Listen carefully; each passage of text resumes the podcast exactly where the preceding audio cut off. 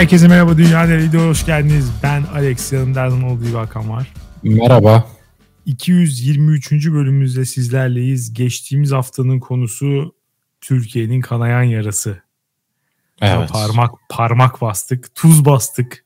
Kanayan Sınırları yara. aştık diyebilir miyiz Alex?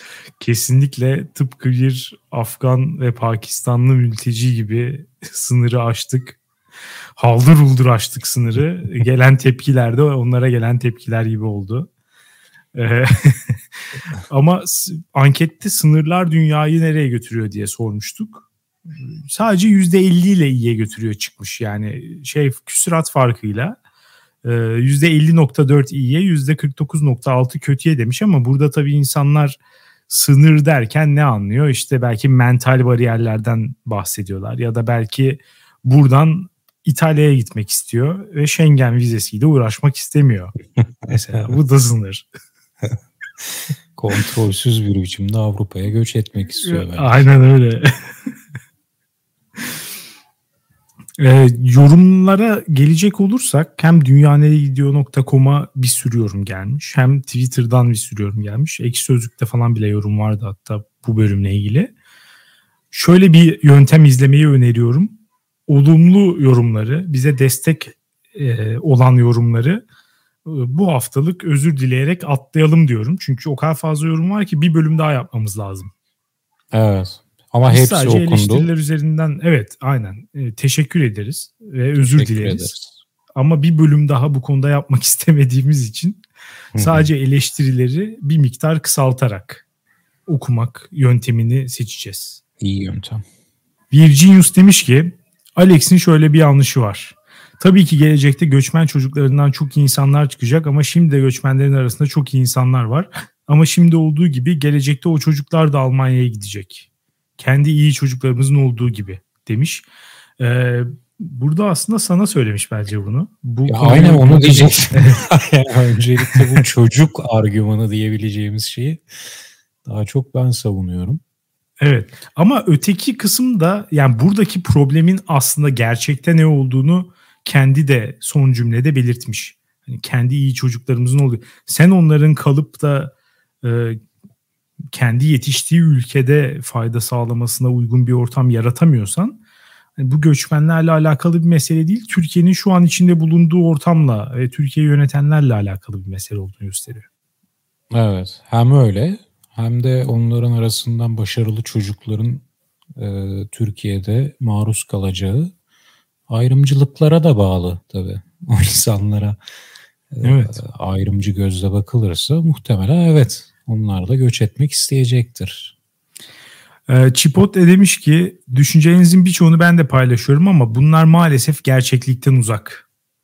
10 yılı aşkın süredir sürekli şekilde artan geçici sığınma statüsündeki insanların sayısındaki artış ve ekonomik kriz insanların ekstrem fikirlere kaymasını kolaylaştırdı. Doğru. Bunların üzerine bir de hükümetin efektif bir çözüm ortaya koyması bir yana ortada sanki sorun yokmuşçasına davranması sonucu halk kendi çözümünü üretmeye çalıştı. Doğru. En kolay, hızlı ve sonuç garantili ancak ahlaki olarak sorgulanabilecek çözüm olarak da ayrım gözetmeksizin ırkçılık yapmak oldu. Şimdi bu bir çözüm müdür? Ee, yani ırkçılık yapınca neye neyi çözmüş olduk? bu kız bu kısmı anlamadım ben. Yani çünkü şöyle bir durumda olmuyor ki. İşte hükümet bu konuya çözüm bulamadı ve insanlar gelmeye devam ediyor. Halk işi ele alıyor ve ırkçılık yaparak 4 milyon kişiyi artık gönderiyor mu ya da burada daha istediği şekilde davranmasını mı sağlıyor ya da Abi, ekonomide yorumcu... kötü etkilerini mi sıfırlıyor falan öyle bir şey de yok yani öyle bir şey de olmuyor. Ya, Belki ama şunu kastediyor olabilir. Hükümet üzerinde, iktidar üzerinde bir baskı yaratarak bu ırkçı tepkiyle onların geri gitmesine e, öncülük ediyor olabilir halk. Diyeceğim cümleyi kurarken yorumcunun düştüğü hataya düştüğümü fark ettim. Olaylar böyle halk diye bir özne çıkıp devlet bu işi çözmedi. O zaman ben çözeyim falan olarak ilerlemiyor. Ama ben yorumcunun Aynen. genel olayın gidişatını özetleyişini beğendim doğrusu. Hani doğru olgulara parmak basmış. Ama e, kelimelere ben de karşı çıkarım evet. Yani halk çözdü. bu işe bir çözüm olarak ırkçılık çıktı gibi anlatımlara karşıyım. Ama iyi, iyi bir özet diyebilirim sanki. Evet. Evet zaten birçoğu yani geçtiğimiz hafta bizim de konuştuğumuz şeylerdi. Hani bunların makul bir yani ırkçılık kısmı değil. Ama sorunlara tepki göstermenin makul olduğuna dair de zaten konuşmuştuk. Sonra şöyle demiş e, asıl Banteli yorumu. Burada asıl kaçırılan ve ölçülmesi zor konu ise alınacak yararının zarardan çok olup olmadığı. 100 mülteciden 5'i mi zararlı yoksa 50'si mi bilmiyoruz. Bu oran belli sayının üstündeyken ırkçılık yapmak haklı olur mu? Kaç nitelikli kişinin kaybı tolere edilebilir gibi birçok sorunun cevabını da vermek gerekiyor ayrıca demiş. Yani burada zaten aslında bu bakış açısının kendisi de problemli. Evet. Hani tamamen bir e, kullanışlılık üzerinden.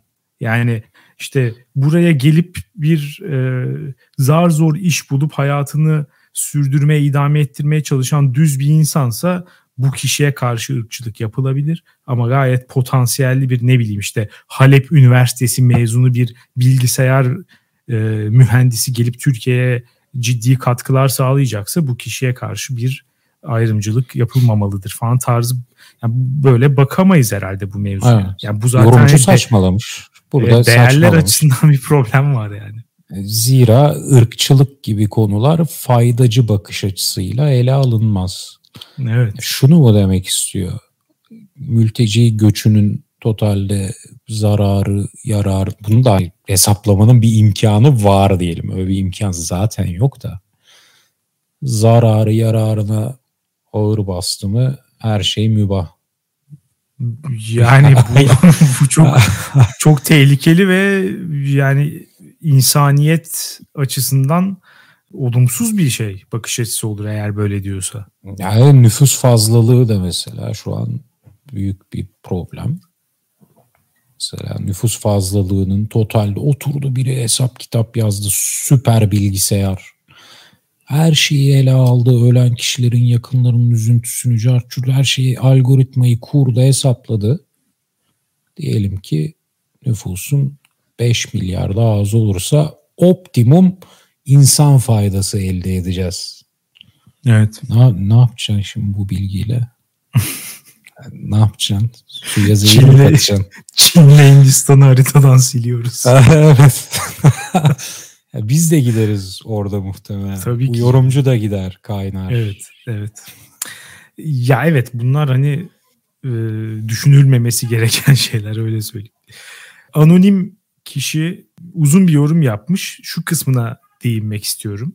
Demiş ki göçün artık kaçınılmaz bir gerçek olduğu, öyle ya da böyle milyonlarca göçmen ve sığınmacının bizimle yaşayacak olması gibi bir hakikat var. Biz bu insanları toplumsal hayattan dışlar, güvencesiz koşullarda çalışmasına göz yumar, söz gelimi Suriyeli çırak çalıştıran berbere dahi mahalle baskısı kuracak hale gelirsek, mültecilerin yaratacağı güvenlik problemleri kendi kendi gerçekleştiren bir kehanet olacak maalesef demiş. Buna bir kere kesinlikle katılıyorum. Yani bir insan grubunu üzerindeki baskıyı artırmak, onları çaresiz hale getirmek, sürekli olarak onları toplumsal hayattan dışlamak, onları e, daha fazla içe kapanmaya, e, daha fazla radikalliğe falan filan zaten sevk edecektir. Ama Get burada dolaşma. daha yakın efendim get dolaşma. Kesinlikle. O zaten birazcık hani zaten mevcutta olan şeyler şu an Türkiye'de. Daha yakın bir tehlikeden bahsedeyim. Şu an bu konuyu kaşıyan bazı işte başta hani isimler vererek Zafer Partisi, Ümit Özdağ ve yandaşları bu konuyu kaşıyarak insanların e, giderek daha da fazla sinirlenmesini, tahammülsüz hale gelmesini ve bunun sonucunda e, şiddete başvurma raddesine de e, ulaşmasını sağlamaya çalışıyorlar. Tamam mı? Yaptıkları şey buna hizmet ediyor. Maalesef. Yarın öbür gün, yarın öbür gün işte kenar mahallelerden bir tanesinde işte Esenyurt'ta, e, Başakşehir'de bilmem nerede İstanbul için söylüyorum ya da işte Kilis'te, Gaziantep'te Suriyelilerin veya mültecilerin çoğunlukta olarak yaşadığı yerlerde bir e, kavga sonucu bir linç girişimi, bir pogrom tarzı şeyler olduğu zaman da bu insanlar bununla ilgili sorumluluk almayacaklar. Ve çıkıp şöyle ve çıkıp şöyle söyleyecekler. bakın biz bu soruna parmak basmıştık. Böyle olacağı belliydi. Bunları niye göndermediniz? Hı. Yani bunun da sorumlu, yani linç edilmenin sorumlusu da e, bizzat o sığınmacı, göçmen ve mülteciler olacak. Yani hiçbir zaman bu işi e, kaşıyan, bunu teşvik eden, işte yalan yanlış haberlerle propaganda yapan insanlar olmayacak. Yani bunu yakın zamanda izleyelim ve görelim. Yani bu zamana kadar hep böyle oldu. E yine aynen böyle olacak. Çok daha yakın şeye, bir şey. Açıklamaya evet. bir tek başına şeyi eklerim işte. Bu olayları kınıyoruz. Ama biz bu olayların olacağını söylemiştik. yani doğru. Hakan demiş ki 1960-70 arası Almanya göç alırken insanları birçok testten geçirip öyle kabul etti. Şu an bile AB'nin en çok sığınmacısını alan ülkesi olmasına rağmen hala bu yöntemle alıyor. Böylece kim ne zaman kaç kişi geldi net biliyor. Biz ise hala sayıyı tartışıyoruz. Çünkü sınırlarımız adeta Schengen gibi açık ve rahat. İnsanları seçerek almanın etik olmayan yönleri olabilir. Ancak kaçan mühendisin de sığınmaya ihtiyacı var. Okuma yazma bilmeyenin de. Bu durumda dünyanın iyilik meleği olmak bize mi düşüyor sorguluyorum. Kendi içimizde beyin göçü ve iç politikanın çeşitli zorluklarını aşamamışken de hiç inanmıyorum. Tarihte bizim gibi ne olursan ol yine de gel diyen az ülke var çok millet, devletlerde her zaman yıkılmıştır. Hakan'ın dediği uzak gelecek fikrine katılıyorum ama bu zamanın gerçekleri maalesef farklı. Modern millet ve milliyetçilik fikri, ulusal ülke sınırları fikri insanlık tarihinde henüz çok yeni falan filan demiş. Göç eden insanlar hep vardı ve gittikçe artacak ama kontrollü ve sistematik bir yöntemi olmazsa bunun sonu kaos demiş. Ya buna da değindik diye hatırlıyorum. Ee, muhakkak böyle olması lazım tabii ki. Yani hani kayıtlı olması, kontrollü olması, işte hı hı. hatta belirli bir sayı belirlenmesi, şehir şehir. Çünkü mesela nüfus da problem yaratıyor. Hani sığınmacı veya e, öz be öz Türkiye vatandaşı olsun fark etmiyor ki. İstanbul'a bir anda 10 yılda 3-4 milyonluk nüfus yüklemesini kaldırabilecek bir şehir değil mesela İstanbul. Evet. Yani altyapı problemleri var. İşte kiraların artması gibi şeyleri yaratıyor. Bir sürü düşünemeyeceğimiz bir milyon tane problem yaratıyor. Tabii ki bunlar e, bu şekilde olmaz. Yani elini kolunu sallayarak tabii ki olmaz.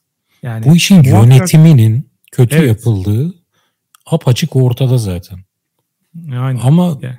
ya oraya kanalize edelim. Bu işi yönetemeyenlere kanalize edelim öfkemizi. Bize sığınan insanlara değil de yönetemeyenlere kanalize edelim. Bu uzak bakış açısı e, da bugünün gerçekleriyle uyuşmuyor demiş. Ya haklı aslında. Geçen bölümde de şeye bas şeye değinmiştik sanırım. Yani realist versus romantik bakış açısı. Evet. Şimdi bu uzun vadeli bakış açısı, benim dediğim o çocuk argümanı dediğim şey. Ya bunlar hep uzun vadeli bakıyor. Doğru. Bu şeyi de demiştim hani babamı örnek vermiştim işte şu sınırlar için hani kaç bin insan ölmüş şu andan bakınca bir metre orada bir metre burada gibi düşünüşler.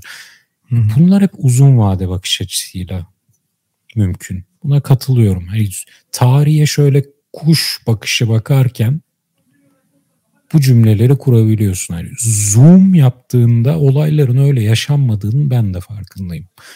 E, şu anda da Ukrayna Rusya savaşı var. E, Ukraynalılar ölüyor.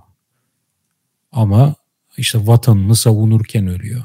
E, ortada Putin gibi bir manyak varken bu olaya zoom out yapıp yani ne kadar gereksiz. Hani sınırlar için ölmüş insanlar şu an diyemeyiz bunu.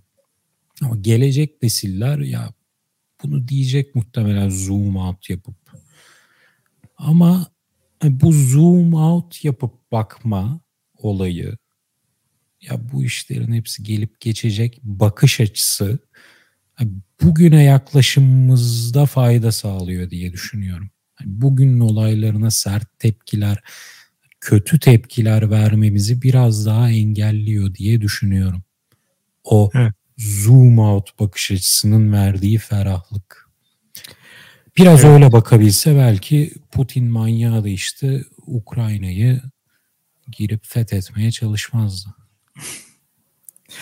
Ee, Zeynep demiş ki bu ülkede aslında ırkçılık hiçbir zaman sönmedi. Her zaman ülkede bir ortak düşman vardı. 90'lar ve 2000'lerin başında Kürtler, daha öncesinde Yunan, Ermeni ve Rumlar ya gizli ya da açıktan ırkçılığa uğradı. Ki bu ırkçılık bugün bile bitmiş değil.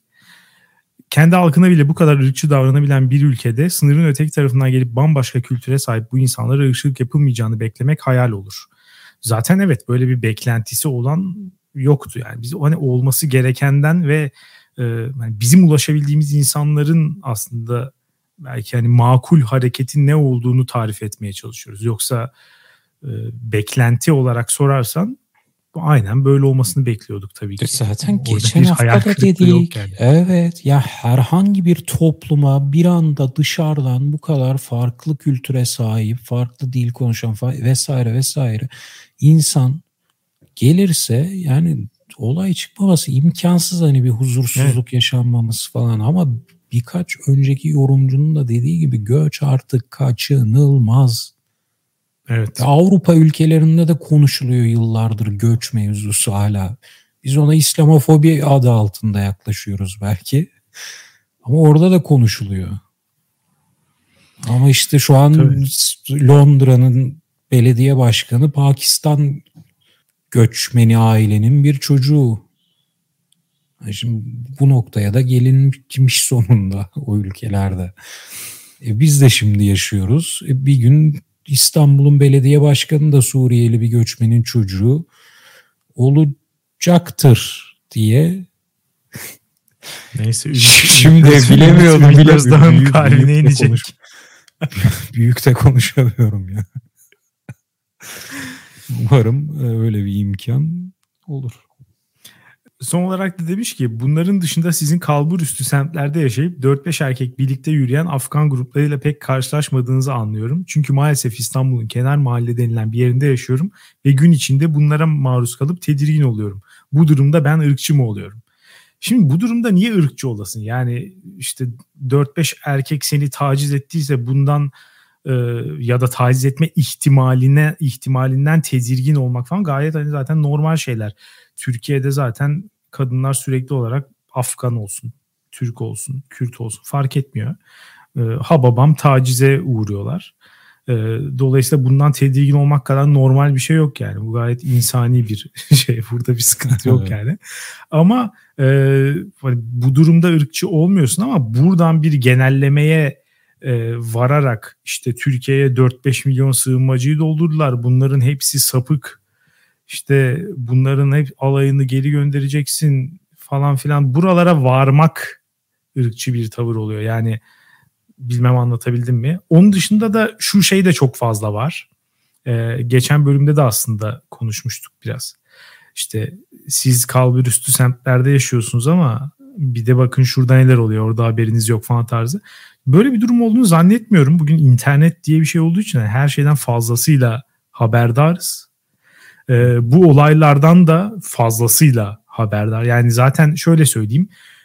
10 e, tane böyle bir şey olay oluyorsa 10'unu da aynı gün görüp hani sanki 1 milyon kişi bunu yapıyormuş gibi hatta yani bizzat yaşayan insandan daha fazla e, etkileniyor diğer insanlar şu an. Öyle bir öyle bir enformasyon ağı var ki İnsan da tabii ki gördüğünü genellemeye e, müsait bir canlı olduğu için mesela bir günde 6 tane sapık e, işte göçmen TikTok'u gören hmm. insan direkt olarak zaten 4 milyon kişiye mal ediyor bunu. Hiçbir göçmenle konuşmuş olmasa dahi Tabii. bir anda o altı deneyimi de kendi yaşamış gibi yaşayıp genelliyor doğru diyorsun. Evet.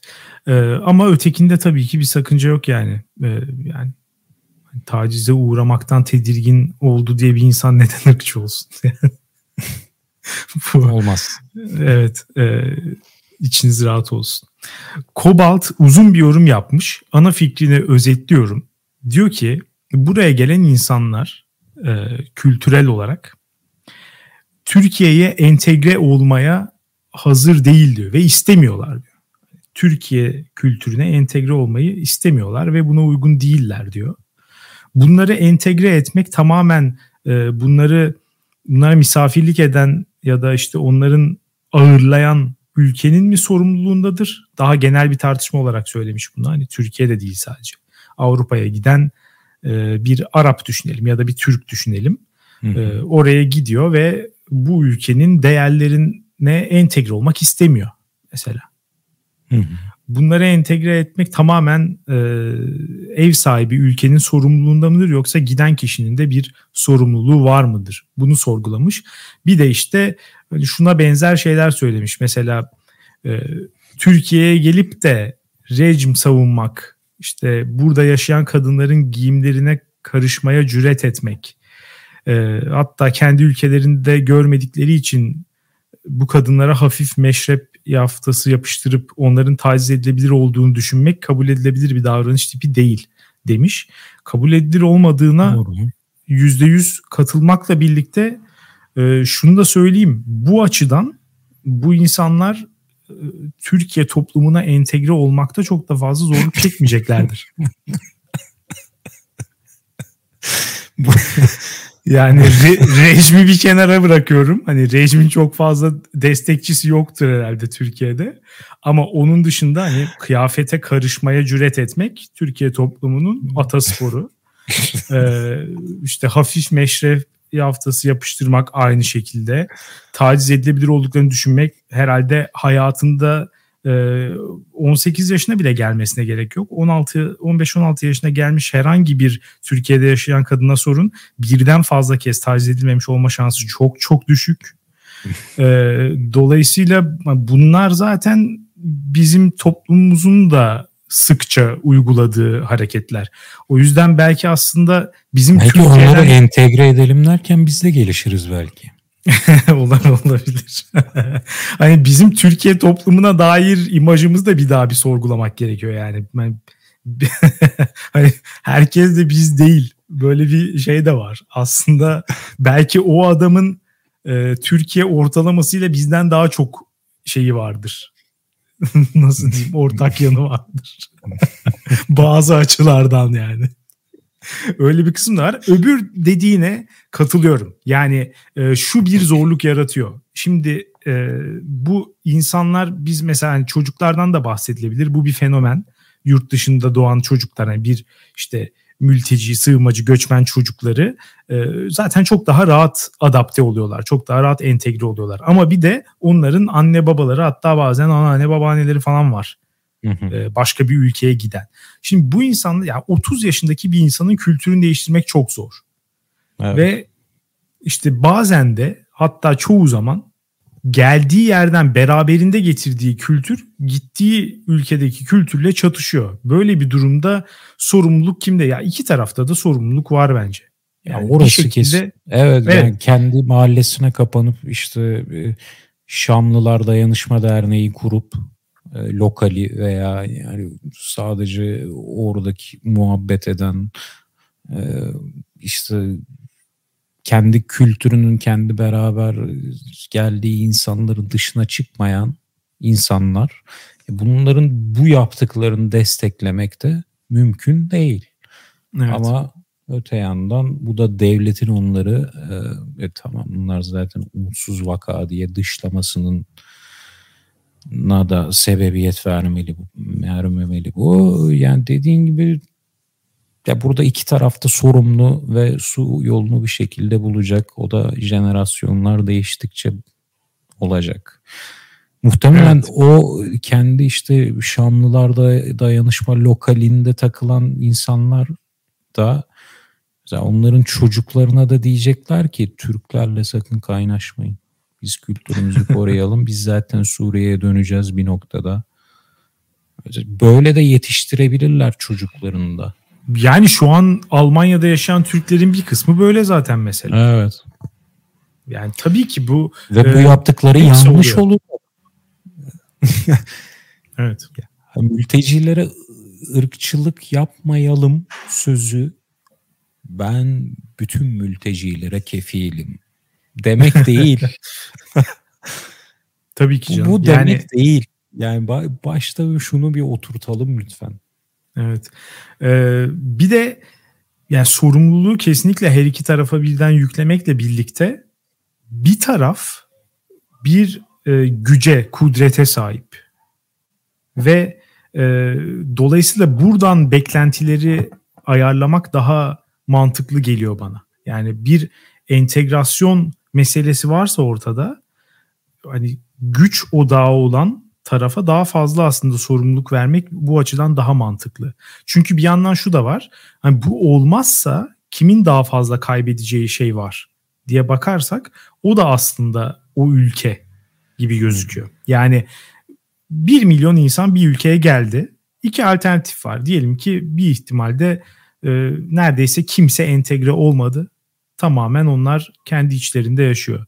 Yani bunu mu tercih edersiniz yoksa o gelen kişilerin işte en azından e, 750 bin tanesini, 800 bin tanesini vesaire e, günlük hayata daha fazla adapte olabildiği, belki işte dil öğrendiği, işte aynı okullara gidebildiği, çalışabildiği falan filan topluma katkı sunabildiği bir noktaya gelmesini mi tercih edersiniz? Yani senin ülkene de onun daha fazla faydası var. Dolayısıyla o istemese de bunu yapmak aslında belki e, senin için daha iyi zaten. Evet. Ben e, sana anlatmıştım Alex. Voleybol oynarken arkadaşlarla bir ara böyle bir dönem vardı biliyorsun. Evet kara kara bir dönem. Toplanıp voleybol oynuyorduk. Orada bir tane Suriyeli ile tanıştım. Yani direkt voleybolda ben tanıştım ama meğerse onunla bu voleybolu planlayan arkadaşlar da sahada tanışmışlar zaten. Hı hı. Hani e, hani adam arıyoruz gel oyna demiş. O da oynamak isterim falan filan. Adam kağıthaneden Fenerbahçe'ye her akşam çalışıyor bu arada. Her akşam geliyor. Bir iki saat spor salonunda çalışıyor. Spor salonunu beğendiği için bu arada geliyormuş her gün. Onun üstüne voleybol sahasına gidiyor. Voleybol oynuyor akşam 11 falan gibi de yine toplu taşıma, metrobüs falan atlayıp kağıthaneye gidiyor. Ben bu adamı gördüm ona da dedim. Ya dedim yani ben bu ülkenin sahibi olsam ben senin gibi vatandaş isterim dedim ya. o adam Türkiye'ye değil hani Hayır, ona demedim pardon ona. pardon ona demedim çevremdekilere dedim. Ya dedim hani ülkeyi yönetiyor olsanız hani bir vatandaş tercihi yapacak olsanız şimdi önünüzde iki seçenek var. Bunu mu bunu mu? Ben mi o mu? Hangimizi alırsınız? Bir tarafta enerjiye bak. Bu ne ya? ya bu, ne, bu nasıl bir enerji patlaması? Neyse bu geldi aklıma da aynı nasıl bir mülteci, kötü mülteci örneğinden, göçmen örneğinden genelleme yapamayacaksak yani bunu da genel bir mülteci göçmen güzellemesi olarak anlamayın lütfen sadece e, bir anı olarak aklıma geldiği için söyledim. Ya fakat bu entegrasyon konusunda bir de şöyle bir ülke olarak şansımız var sanki ya bizden önce bunu özellikle Avrupa çok yaşadı. Ya önümüzde Tabii. entegrasyon süreçlerine dair muhtemelen çalışılıp dersler alınacak çok pratik var geçmişte. Evet. Çok farklı ya. yöntemler deneyen ülkeler evet. farklı çıktıları falan evet hepsi önümüzde. Ve bildiğim kadarıyla çok fazla şey var. Yani baya kötü örnekle de dolu yani bu. Tabii bunu Avrupa çözdü bu işi. E, bak müthiş uyguladılar hemen alalım diye değil. Hani iyi uygulama, kötü uygulama orada havuzda ne ararsak var. O literatüre girip Oradan faydalanıp burada uygulamalar yapılabilir entegrasyon sürecinde. Katılıyorum. Ee, Biz bu hafta da konuya giremeyeceğiz galiba Alex. Kesinlikle iki tane daha çünkü yorum kaldı. Onları da okuyup ondan sonra e, bu konuyu ilelebet kapatalım diye düşünüyorum. Ee, bir tanesi ekşi sözlüğe gelen bir yorum. Bunu okuyayım öncelikle. Demiş ki son yaptıkları ve hunharca göçmen övdükleri bölümün yarısına bile gelemeden bölümü kapatıp iki talisit aldım. Midemin ekşimesi ancak geçti. İnsanlar fikirlerini belirtmekte tabii serbest. Bu şey için teşekkür ediyoruz. Bu hakkı bize tanıdığı için. Evet. Fakat bu dar bir pencereden bakarak yapılırsa o görüşler objektiflikten uzak, sığ yorumlar olmaktan öteye gidemez. Şimdi mesela bu zaten bu giriş e, açıkçası beni tav etti bile. Onu söyleyeyim. Hani kendi ilk görüş... kısma ne gerek var yani? Herkes evet. görüşünü açıklamakta tabii serbest, saygı duyuyorum ama falan. Ya o kısmı at. Dar bakmışlar, objektif değiller diye girsene yani. Ne gerek var? Ama ya birisinin e, işte objektiflikten uza zaten bu arada objektif bir şey konuşmuyoruz da yani hani gayet sübjektif de bir mesele. Bir e, konunun bazı kısımları belki verilere dayalı ama e, esasında bizim bu konuyla ilgili görüşümüzü belirtiyoruz zaten. Objektif bir şey yok ortada. Olmaması da gerekiyor yani. E, işte yorumun sığ olup olmadığıyla ilgili falan yani bu tip şeyler yazdığın zaman bunun altını doldurman gerekiyor. O zaman öteki türlü objektiflikten uzak ve sığ suçlamalar oluyor. sığ eleştiriler oluyor. Devamı yok mu yorumun? var var ama bunun altını doldurmuyor maalesef. Yani çok beğenmediği olduğu evet ya e, onu anlamıyorum. Yani beğenmediği bir şeye otomatikman objektif değil, sığ, dar bakmış falan. Abi yani o zaman peki sen benim ufkumu genişlet o zaman ben de diyeyim ki hakikaten ben bunu düşünmemiştim. E, haklısın. Ama böyle bir şeyle gelmeyi yani hani katılmadığı için bunu söyleyen insanları anlayamıyorum. Anlatabildim ne demek istediğimi. Evet. E, demiş ki 30-40 yıllık altı boş beklentiler ve kalifiye soru işareti göçmen çocuklarının ülkemize çiçek gibi açacağından bahsetmeler falan öyle bir algıyla bakmışlar ki sanki tüm insanlar hipnoz olmuş ve bir ağızdan aynı şeyi savunuyorlar.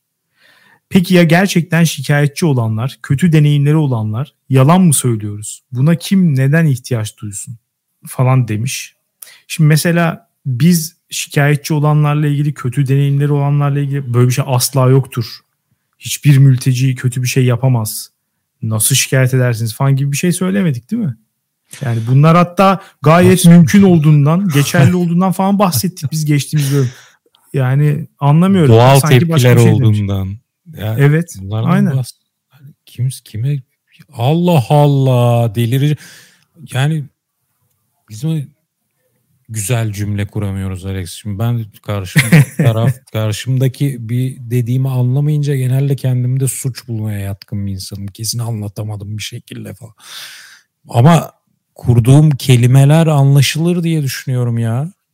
Ya bence öyle. Sonuçta anlayarak yorum yapan da tonla insan var. Dolayısıyla burada suçu kendimizde aramamayı tercih ediyorum ben. yani normal şartlarda öyle düşünebilirdik ama 10 tane de öteki türlü yorum var. Onlar anlamış da bu niye anlayamamış. Hmm. Biraz bence e, bizle farklı fikirde olduğu için triggerlanmış ve sinirlenip böyle bir yorum yazmış gibi geldi bana. Hmm. Olabilir yani bunu da makul buluyoruz. Yapacak bir şey yok. Ne diyelim. Ee, yalnız şunu söyleyeyim. Ee, demiş ya mesela 30-40 yıllık altı boş beklentiler ve kalifiye göçmen çocukların ülkemize çiçek gibi açacağı falan. Burada yine senin söylediğin şeyden dem vurmuş aslında. Hmm.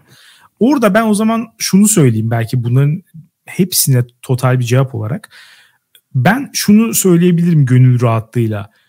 30 yıl içerisinde hiçbir Türkiye şu an 2011'den bu yana e, göçmüş veya daha öncesinde göçmüş insan inanılmaz başarılar elde etmese de e, çok böyle müthiş buluşlar yapmasa da çok büyük faydalar sağlamasa da Türkiye toplumuna ben yine de bu insanların burada yaşamaya hakkı olduğuna dair bir şey besliyorum e, inanç besliyorum. Bu tamam. işin bonu bonusu olacaktır yani.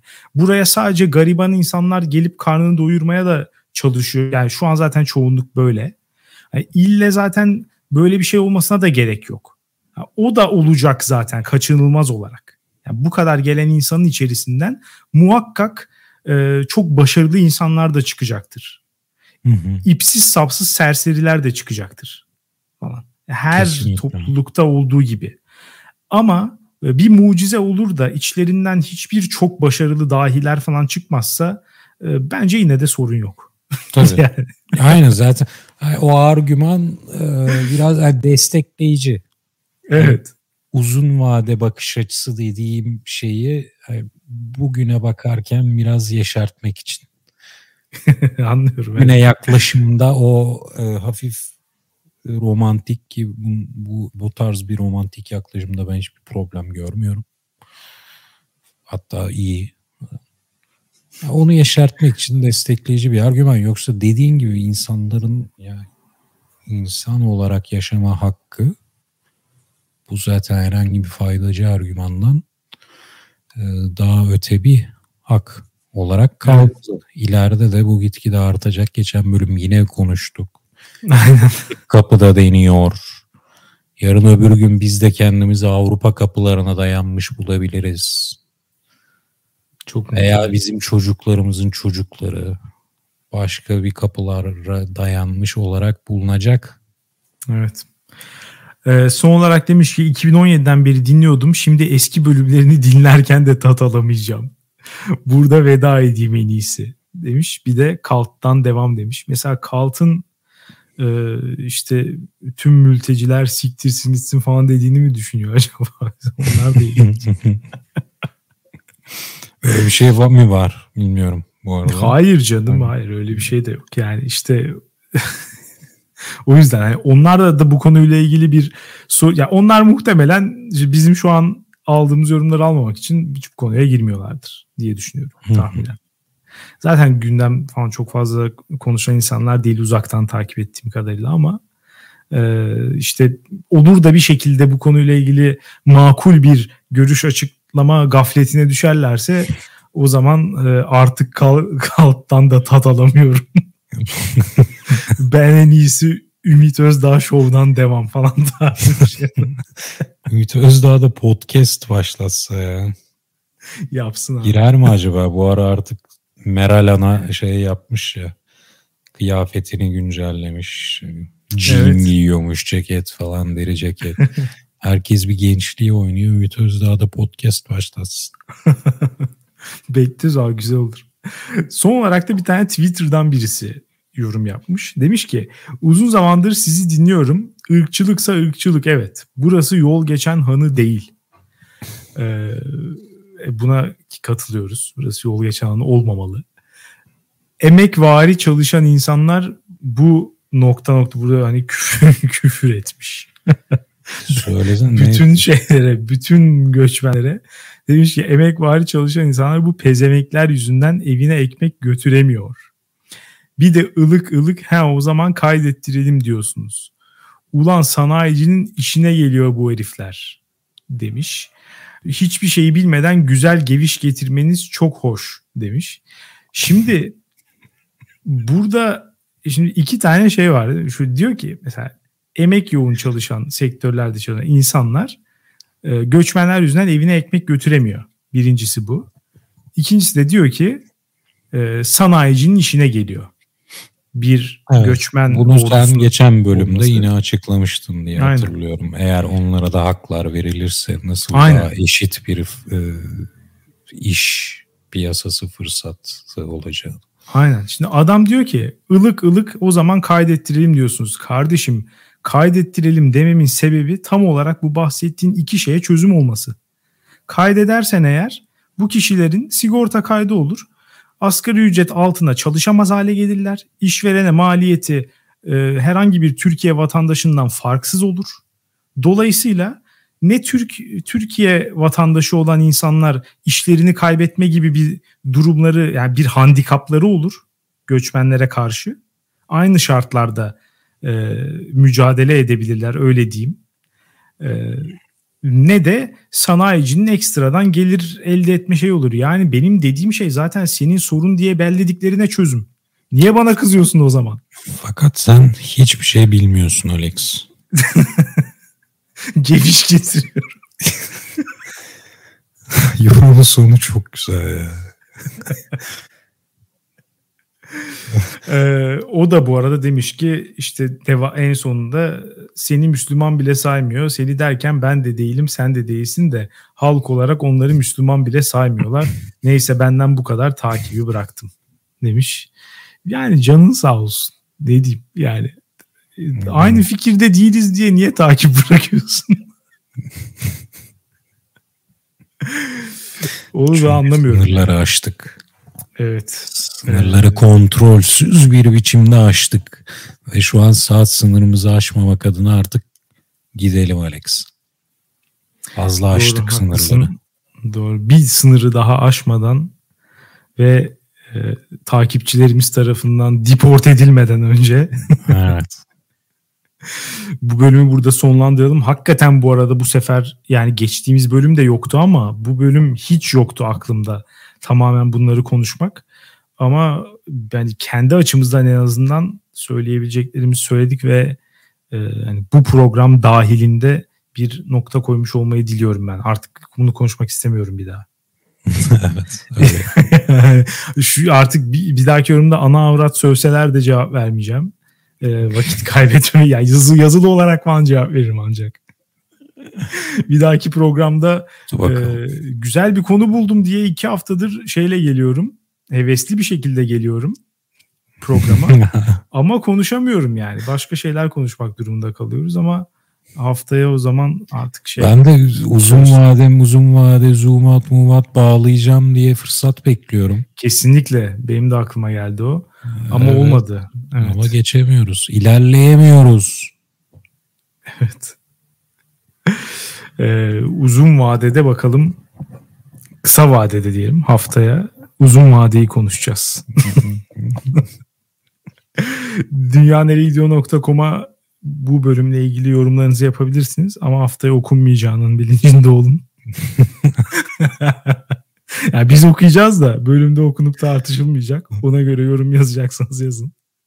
Dinlediğiniz için teşekkür ederiz. Ee, farklı fikirlerdeyiz diye bizi dinlemeyi bırakmayın. Tartışabiliriz. Ama biz bir aileyiz. Hafta sonu görüşürüz. Öyle.